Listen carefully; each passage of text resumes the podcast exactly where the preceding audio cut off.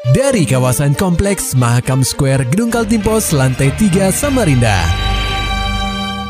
96,8 KPFM. Kita akan ikuti program KP Flash News.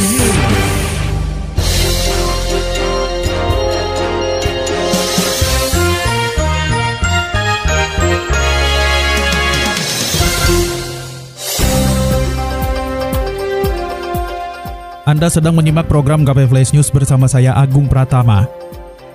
Peringkat KP 2565 TPS. KPU Samarinda sediakan 15 TPS lokasi khusus. Laporan selengkapnya akan disampaikan reporter KPFM Samarinda, Muhammad Nur Fajar. Kurang dari satu tahun lagi, pesta demokrasi terbesar di Indonesia akan terselenggara. Berbagai persiapan telah dilakukan pihak penyelenggara, termasuk menyiapkan tempat pemungutan suara atau TPS. Khusus di Kota Tepian, Komisi Pemilihan Umum atau KPU Samarinda telah menetapkan sebanyak 2.565 TPS yang akan tersebar di seluruh kelurahan. Dari jumlah tersebut, 15 di antaranya merupakan TPS lokasi khusus yang akan ditempatkan di berbagai lokasi seperti lembaga pemasyarakatan atau lapas, rumah tahanan negara atau rutan, universitas, serta panti jompo. Ketua KPU Samarinda, Firman Hidayat menyampaikan, penempatan TPS lokasi khusus tersebut telah diusulkan kepada KPU RI dan sudah mendapat persetujuan.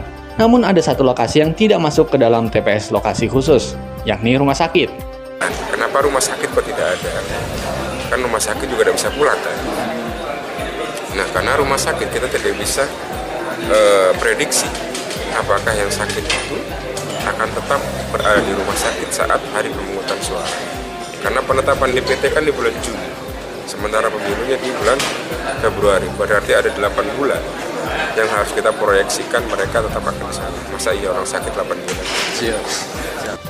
Lebih lanjut, Firman sangat berharap kehadiran TPS lokasi khusus yang merupakan terobosan baru dari KPU RI ini dapat mengakomodir suara dari orang-orang yang tidak berada di alamat sesuai domisili kartu tanda penduduk atau KTP-nya, sehingga semua bisa terdeteksi dan mampu menyalurkan hak suara mereka, terutama berkaitan dengan warga binaan. KPFM Samarinda, Muhammad Nur Fajar, melaporkan. Sementara itu pendengar KP terputusnya jalan poros yang menghubungkan Kecamatan Sangat-Sangat dan Kecamatan Muara Jawa di Kabupaten Kutai Kartanegara. Mendapat respons dari Sekretaris Daerah atau Sekda Kaltim Sri Wahyuni.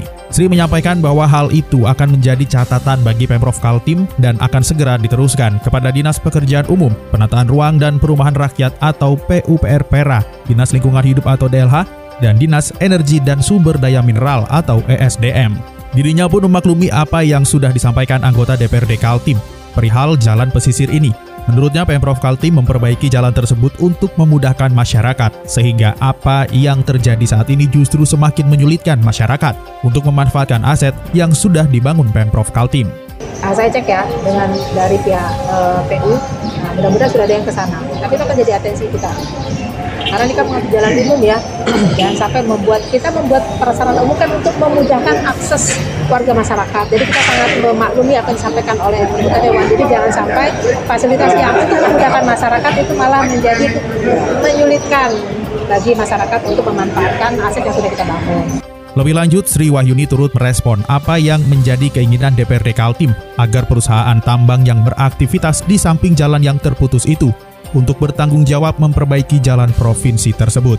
Ia menegaskan nanti pihaknya akan meminta tim khusus untuk mereview. Jika memang itu kewajiban perusahaan, kenapa tidak? Karena perusahaan juga punya tanggung jawab sosial untuk memperbaiki jalan lingkungan di wilayah kerja operasionalnya. Beralih ke kabar olahraga pendengar KP, gandeng tentara, asah mental tim basket Kaltim untuk Prapon. Berita selengkapnya disampaikan reporter KPFM Samarinda Maulani Al-Amin. Setelah terpilih menjadi Ketua Persatuan Basket Seluruh Indonesia atau Perbasi Kaltim pada medio Mei 2023 lalu, Darwin Tandrin fokus pada kualifikasi Pekan Olahraga Nasional atau Prapon.